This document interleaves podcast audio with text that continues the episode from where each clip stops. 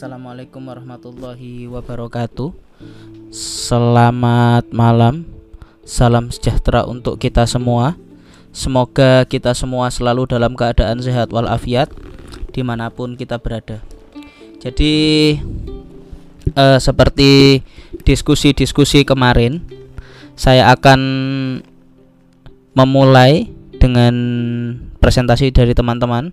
Namun di pertemuan kita pada pagi besok tanggal 31 Maret 2020 kita saya akan buat ini podcast di sehari sebelumnya. Jadi selamat malam teman-teman di mana pun teman-teman berada. Teman-teman semoga dalam sehat walafiat. Teman-teman semester 4 semoga tidak jauh dijauhkan dari semoga dijauhkan dari bala dan musibah dan tidak ada yang sakit dan kurang suatu apa pun. Semoga kita juga bisa bertemu lagi dalam keadaan sehat walafiat nanti setelah tanggal 29 April. Insya Allah sudah tidak ada apa-apa Semoga saja dan kita bisa berkuliah seperti biasa. Karena bukan hanya teman-teman yang mungkin berat dengan perkuliahan ini Kami para staf, dosen dan juga pengajar juga merasa agak lelah dengan uh, fenomena seperti ini. Oke, uh, di sini saya akan mencoba untuk memberikan sedikit pengantar saja karena sudah ada yang presentasi jadi sifatnya bukan pengantar tapi mungkin pengayaan ya pengayaan. Sesuatu yang mungkin tidak ada di buku yang saya berikan bukunya Pak Edi kemarin. Sesuatu yang mungkin hanya teman-teman bisa dapatkan ketika teman-teman membaca beberapa buku dan menyarikannya jadi ini hasil pembacaan saya dari beberapa buku tentang bagaimana sebenarnya fungsi teori dalam sebuah penelitian. Oke. Ah, bukan hanya fungsi teori, posisi teori dan sebagainya. Maka di pemaparan saya ini saya akan beri judul melakukan tinjauan teoritis. Jadi tinjauan teoritis itu bukan hanya sekedar kita menempelkan teori dan sebagainya, tidak. Tinjauan teoritis itu adalah upaya di mana kita tuh mengoperasionalkan atau bagaimana memperkerjakan teori yang kita baca. Percuma teman-teman hafal teori ratusan teori komunikasi yang punyanya Pak Morrison tebal itu atau teorinya Little John atau bahkan teorinya Niklas Luhmann yang sangat panjang tentang komunikasi mas komunikasi massa, realitas komunikasi massa misalnya. Itu tidak akan berguna ketika tidak bisa dioperasionalkan. Jadi percuma teman-teman mempelajari mata kuliah teori komunikasi tapi tidak bisa mengoperasionalkan di situ. Oke, di sini uh, bahasan kita pada pertemuan kali ini saya mulai dengan kategorisasi teori. Saya tidak akan menjelaskan teori itu apa, itu sudah teman-teman dapatkan di mata kuliah teori komunikasi, saya yakin kemarin. Lalu kita akan melihat kategorisasi teori. Saya yakin juga teman-teman cukup banyak membaca ini. Lalu bagaimana teori bekerja? Nah, ini yang paling penting sebenarnya. Lalu menyusun tinjauan teoritis dan juga kebaruan penelitian. Oke, kita langsung saja. Dalam sebuah riset ilmiah, ya, yang paling penting di sini adalah dalam sebuah riset ilmiah, pahami dulu teori yang akan digunakan, termasuk kategori atau jenis teori apa. Seperti itu. Apa bedanya kategori dengan jenis? Kalau dalam teori, kategori teori itu dibagi menjadi tiga, sebenarnya empat, cuman yang keempat itu jarang jarang dipakai sebagai operasional. Karena itu kayak semacam teori pokok jadi jarang. Tapi dalam penelitian itu biasa dibagi menjadi tiga. Yang pertama teori makro. Yang kedua teori meso. Yang ketiga adalah teori substantif.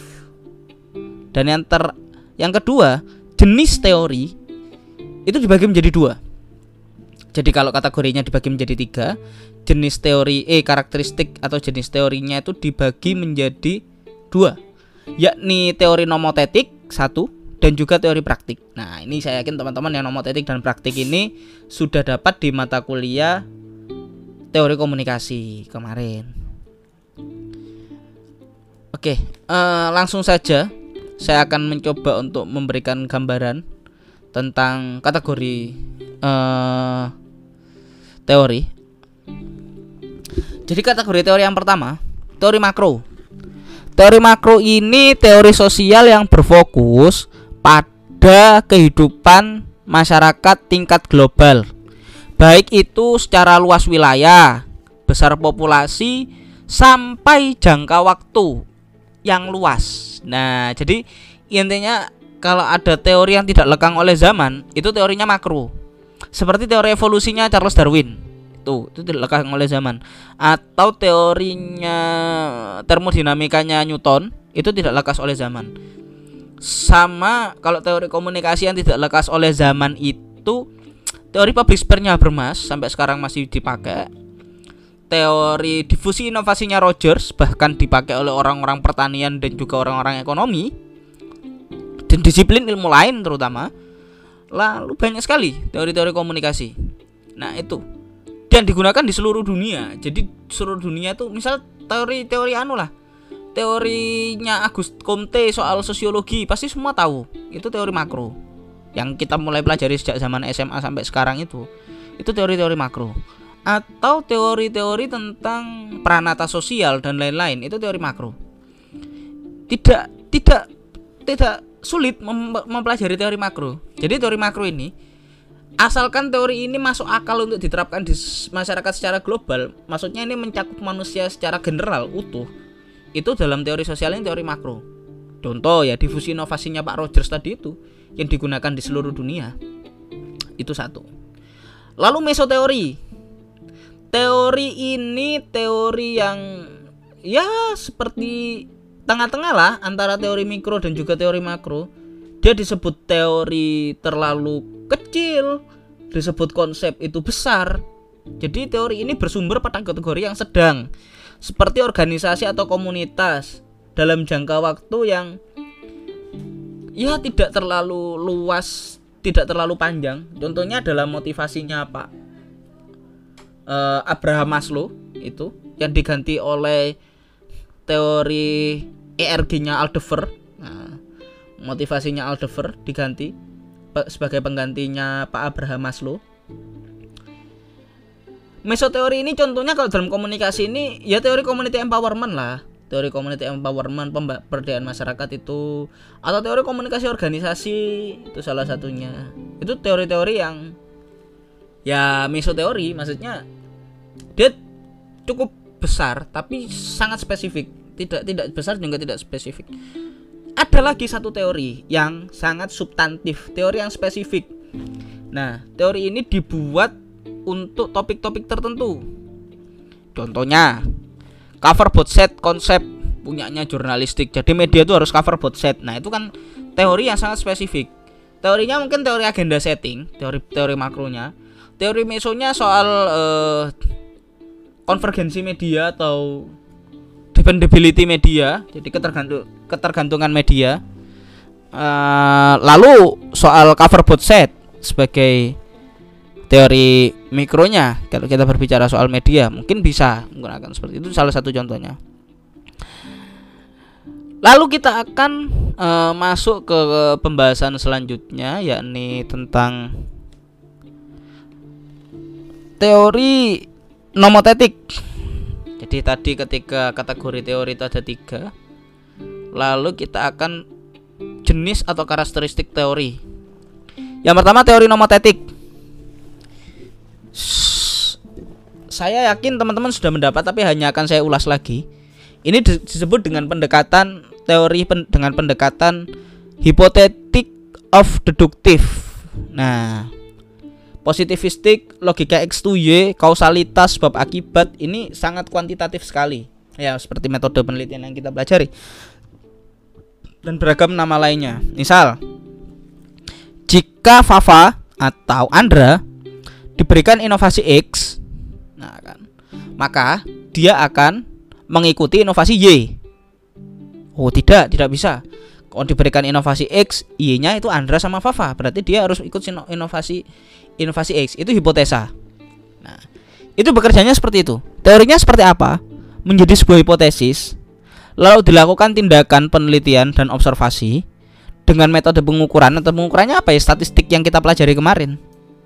Sampai pada penyimpulan penyimpulan dari hasil pengukuran itu misalnya ketika hipotesisnya diterima oh berarti kesimpulannya adalah oh hipotesis ini benar lalu secara teori berarti ini dapat dapat dibenarkan atau hipotesisnya malah ditolak setelah pengukuran hipotesisnya ditolak sehingga dia kembali lagi oh jangan-jangan ada yang salah dari konsep atau teorinya atau pada pengejauhan tahannya atau pada observasinya itu yang akan digunakan konsep nomotetik itu cara bekerjanya seperti itu Lalu teori praktik, apa itu teori praktik? Teori praktik itu berbeda dengan teori nomotetik. Ya, namanya juga teori praktik ya. Uh, Penman menggarisbawahi prinsip pendekatan tindakan praksis yang menyatakan betapa berbedanya penyusunan teori tersebut dengan uh, nomotetik, pengetahuan tradisional. Jadi intinya adalah nomotetik itu pendekatan tradisional kalau yang praktik tadi itu pendekatan eh kalau yang nomotetik pendekatan tradisional kalau praktik ini pendekatan modern salah satunya jadi eh, dia itu sangat berbeda secara pendekatan baik dari satu dan keduanya yang pertama secara kategorisasi teori praktik itu tindakannya eh, kita tidak bisa melihat ia disebabkan oleh apa tidak. Tidak ada. Salah satu contoh adalah riset tentang uh, makna melakukan kegiatan prostitusi oleh PSK yang tidak memiliki latar belakang. Nah, itu sangat menarik salah satunya. Atau misalnya makna seorang akademisi, misal teman-teman bisa meneliti saya, seorang akademisi yang sudah tahu sepak bola Indonesia itu bobrok tapi dia masih menjadi pendukung salah satu kesebelasan. Itu bisa saya jadikan subjek penelitian. Karena saya mendukung Persebaya dengan sukarela seperti salah satu contohnya. Yang kedua pengetahuan misalnya, pengetahuan. Kan banyak nih di orang-orang komunikasi e, mempelajari tentang komunikasi digital dan lain-lain. Tapi kenapa kok masih ada orang-orang yang mempelajari tentang komunikasi jurnalistik dan lain-lain? Itu ketika diteliti menarik juga. Atau misalnya pengetahuan saya tentang yang sudah mulai jarang sekali orang yang punya pengetahuan tentang komunikasi pembangunan. Kenapa saya tidak concern ke komunikasi media? Kenapa malah ke komunikasi pembangunan? Itu bisa dijadikan sebuah riset salah satunya teorinya itu berhubungan dengan sejarah. Ya menarik. Misalnya berbicara latar belakang tidak berbicara motif tapi dia berbicara latar belakang berbicara tentang alur historis. Nah itu salah satunya. Lalu dia itu dapat diidentifikasikan sebagai paradigma tindakan praksis. Oke, dari kedua ini eh, teori-teorinya itu memiliki konsep yang berbeda, baik eh, eh, baik posisinya maupun penggunaannya itu berbeda. Secara prinsip loh ya. Jadi kalau kita melihatnya kita punya yang namanya asumsi filosofi kita juga punya penjelasan dan sebagainya dan sebagainya kalau yang definisi dari teori praksis ini itu bisa teman-teman diskusikan nanti kalau teman-teman masih punya bukunya Pak Little John bisa dibuka di bab kedua tentang gagasan teori di situ lebih jelas intinya nah ini yang harus saya sampaikan Teori nomotetik itu lebih dekat dengan pendekatan positivistik. Maka dia cenderung kuantitatif. Makanya kalau teman-teman mau melakukan penelitian kuantitatif, coba dilihat dulu karakteristik teori yang akan digunakan. Apakah dia nomotetik? Tuh. Lalu, teori praktik itu post positivistik sehingga dia cenderung kualitatif. Lucu ketika teman-teman mau melakukan penelitian kualitatif tapi pendekatan yang dipakai adalah pendekatan Pak Rogers. Itu lucu. Meskipun juga tidak salah. Nah di situ. Itu yang harus jadi pembahasan teman-teman. Ya namanya juga proses ya. Saya tidak pernah menyalahkan proses seseorang. Seperti itu lalu uh, kita akan sampai pada bagaimana teori bekerja wah ini ini yang menarik sekali nih dalam metode penelitian kuantitatif, untuk memahami teori yang bekerja, teman-teman harus membaca lagi skema Wallace gagasan klasik tentang sebuah ilmu pengetahuan di atas. Pahami dulu itu, saya yakin. Kalau teman-teman sudah paham itu konsep itu yang eh, sebenarnya cuman circle gitu aja. Posisi teori dalam penelitian kuantitatif adalah untuk menjadi dasar pemikiran abstrak yang dihubungkan dengan ide-ide dari teori, kemudian dibuktikan secara konkret melalui serangkaian penelitian. Oke, kalau bingung pada definisi tadi, singkatnya teori itu menjadi dasar hipotesis dan memunculkan hipotesis alternatif. Seperti itu. Kalau misalnya gini-gini, uh, di slide saya yang ke-9 kita melihat tentang konsep deduktif skema punyanya Newman. Ini kita akan melihat uh, bagaimana teori itu bekerja di penelitian kuantitatif seperti itu. Jadi pertama teori. Pertama teori ya. Teori itu entah teori itu teori grounded ya, teori-teori teori inti lalu disampaikan menjadi sebuah teori makro. Apa seperti apa teori makronya? Nah, seperti itu. Lalu teori substantif itu berbicara soal asumsi-asumsi. Jadi dari teori makronya seperti itu, asumsi-asumsinya seperti apa, maka muncullah hipotesis. Apa yang pengaruhi apa? Kalau penelitian kualitatif eh kuantitatif contohnya penelitian agenda setting atau penelitian uses and gratification atau penelitian kultivasi. Nah, penelitian kultivasi itu teori kultivasi seperti uh, realitas media misalnya kita berbicara soal itu atau pengaruh media, pengaruh terpaan media, tayangan media itu. Nah, kita buat hipotesis misalnya ketik pengaruh terpaan media uh, terhadap mahasiswa UMM mengakibatkan mereka percaya terhadap media itu. Hipotesisnya seperti itu. Itu kan dugaan tuh. Intinya dugaan. Jadi hipotesis itu sebuah dugaan. Tidak bisa kita kita ambil sebuah kesimpulan bahwa hipotesis itu sesuatu yang benar. Intinya hipotesis ini sebuah dugaan sehingga tidak bisa dugaan itu dijadikan kesimpulan. Tidak harus dugaan ini benar loh. Nah, seperti yang saya jelaskan kemarin di pembahasan sebelumnya. Bahwa dugaan ini tidak harus benar. Ada hipotesis alternatif di mana dugaan ini salah. Dan tidak ada masalah ketika hasil penelitian itu tidak membuktikan hipotesis. Tidak membuktikan hipotesis tidak ada masalah. Contoh, saya mendiagnosa Anda, men, me, memberikan diagnosa Anda sakit asma, tapi setelah dilakukan serangkaian penelitian, Anda sakit paru-paru. Apakah diagnosa saya tentang asma tadi tetap saya pertahankan? Ya lama-lama Anda akan mati. Sama dengan logika seperti itu.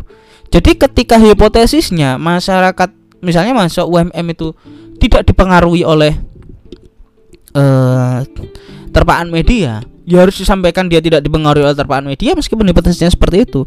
Maka di sini arah panahnya bolak-balik. Jadi realitas sosial lakukan penelitian malah menolak hipotesis. Lakukan penelitian lagi dan tariklah sebuah kesimpulan. Seperti itu. Intinya seperti itu. Nah teori itu sebagai penunjang kebaruan penelitian. Nah kebaruan itu saya singkatnya saya saya bagi menjadi tiga saja. Kebaruan yang pertama, kebaruan teori. Yang kedua adalah kebaruan substantif. Yang ketiga kebaruan lokasi dan juga fokus. Jadi gini, kalau kebaruan teori itu mengkritisi teori. Jadi sampai pada tahap di mana penelitian teman-teman itu mengkritisi teori. Misalnya teorinya uh, teorinya agenda setting tadi itu atau misalnya contohnya teorinya Pak Roger saja ya tentang difusi inovasi. Difusi inovasi tadi bahwasannya ternyata tidak selalu adopsi inovasi itu dimulai dari inovator atau early adopter. Bahkan Lagarde itu yang pertama kali menerima bisa terhadap sebuah inovasi itu. Misalnya, salah satunya. Oh berarti itu benar-benar mengkritisi teori atau bakal mengembangkan teori. Jadi polanya tidak linier sekarang, tapi bolak-balik. Tidak dari inovator, early adopter, late uh, early majority, late majority sampai pada Lagarde seperti di bukunya Pak Rogers itu menjelaskan tentang itu. Tetapi kita sampai pada tahap di mana tidak linear seperti itu tapi dari Lagarde itu bisa ke inovator. Tahapannya seperti itu. Atau misalnya orang itu kan dari kalau kalau kalau pandangannya Rogers itu untuk mendapatkan difusi inovasi itu dari aware dulu, aware, kemudian dia trial, ya toh, mencoba, kemudian dia konfirmasi dan dia mengadopsi. Apakah saya tanya sekarang, teman-teman, tanpa aware, saya yakin ketika di dunia maya itu juga langsung mengadopsi sesuatu bisa tanpa aware, tanpa sadar bakal mengadopsi sesuatu. Dari bahasanya sajalah. Oke cuy dan lain-lain. Itu kan bahasa-bahasa yang teman-teman mengadopsi inovasi dari bahasa itu tanpa aware. Sebenarnya dalam tanda kutip itu bahasa digunakan untuk apa? Tak kasih contoh ya, contoh. Kalau ini ilmunya Mas Hantoro, ilmu tentang desain komunikasi visual. Kalau teman-teman di sini menjelaskan warna pink itu pasti warna cewek. Logikanya kan seperti itu. Karena apa? Karena adopsi inovasi yang teman-teman melihat tanpa teman-teman aware dulu, tanpa teman-teman sadar dulu di sana adalah di masyarakat kita warna pink itu warna perempuan. Padahal warna pink itu dulu adalah warna maskulin kalau kita tidak percaya dulu para pasukan-pasukan di Eropa itu sering sekali pakai warna pink. Pasukan-pasukan perangnya. Itu sangat luar biasa sekali menurut saya. Nah, itu. Jadi teori itu terus berkembang. Intinya seperti itu. Jadi mengembangkan teori. Lalu kebaruan yang kedua adalah kebaruan substantif. Di sini adalah bagaimana kebaruan substantif ini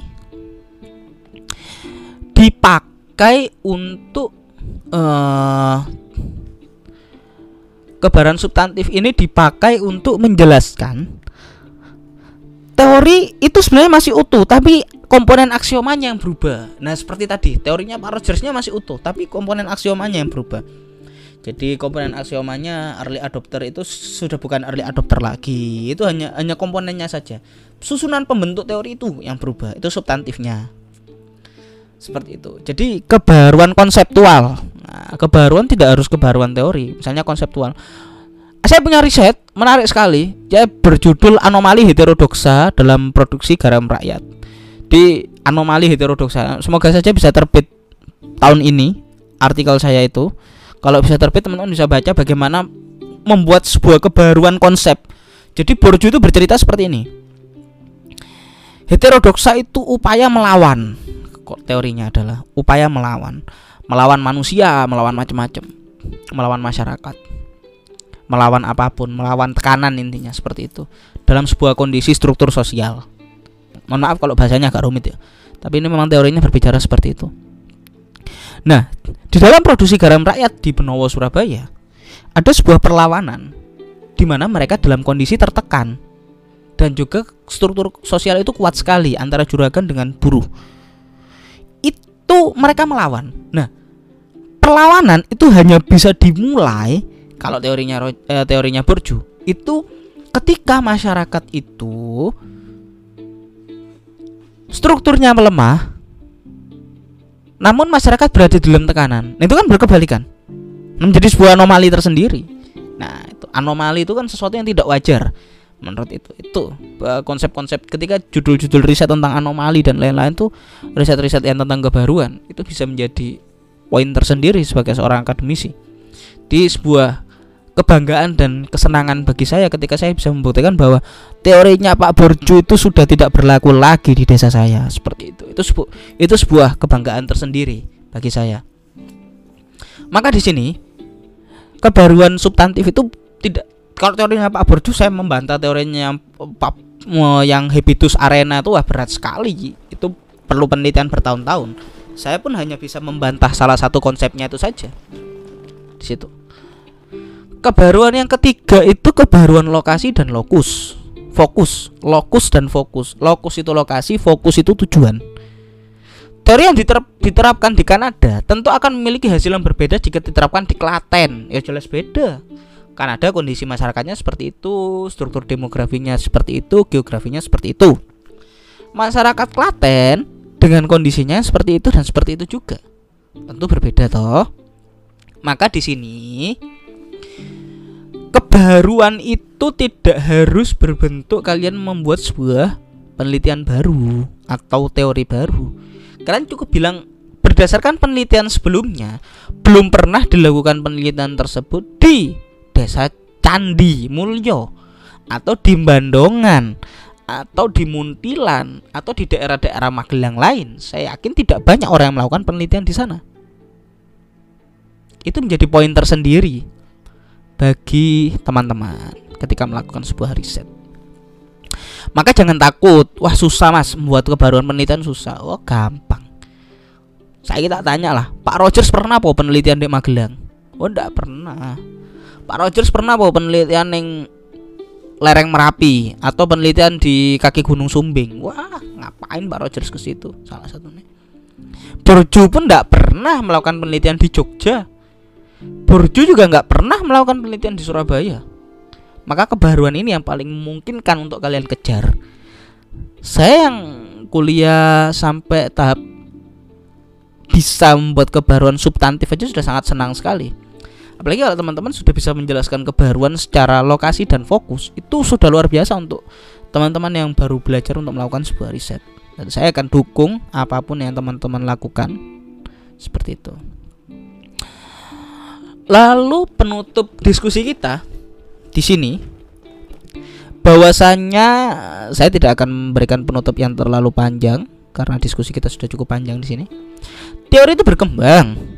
Maka peneliti yang melakukan riset tanpa teori akan kebingungan dan risetnya menjadi tidak lagi berkualitas karena dia ngawang, ngarang dan opo sih sebenarnya menjadi landasan? Nggak ada. Dia berpikir atas dasar apa ndak ada. Sama dengan orang Islam tanpa Al-Qur'an, aku bisa berislam tanpa bersyariat. Wah, itu konyol. Itu salah satunya. Sedang, nah, ahli teori yang tidak pernah riset hanya akan berhenti pada dugaan-dugaan dan prasangka spekulatif saja. Nah, kan lucu misalnya saya yang uh, mempelajari teori Pierre Bourdieu dari zaman S1 yang banyak orang berdiskusi dengan saya soal itu, tapi saya memberikan spekulasi tanpa saya melakukan penelitian. Itu tidak masuk akal. Kalau dugaan iya, dugaan iya. Dugaan bisa, prasangka bisa. Tapi hanya berhenti di situ. Tidak dalam tahap penyimpulan tidak boleh. Karena apa? Ya karena piye? Nggak bisa terbukti. Ketika kita melakukan penelitian di lapangan terkadang teori itu bisa dibantah. Seperti itu. Maka di sini menelitilah dengan teori yang benar nah itu menelitilah menelitilah dengan teori yang benar teori yang benar seperti orang mau penelitian positivistik kuantitatif jangan pakai teori-teorinya orang-orang praksis seperti itu. Oke, uh, mungkin saja dari saya. Saya berharap pandemi ini segera berakhir dan kita bisa bertemu lagi di kelas, berdiskusi dengan bebas dan membicarakan hal-hal yang menarik di mana pun melalui pemahaman kita. Mungkin itu saja dari saya. Akhir kata, bila taufik wal hidayah. Assalamualaikum warahmatullahi wabarakatuh.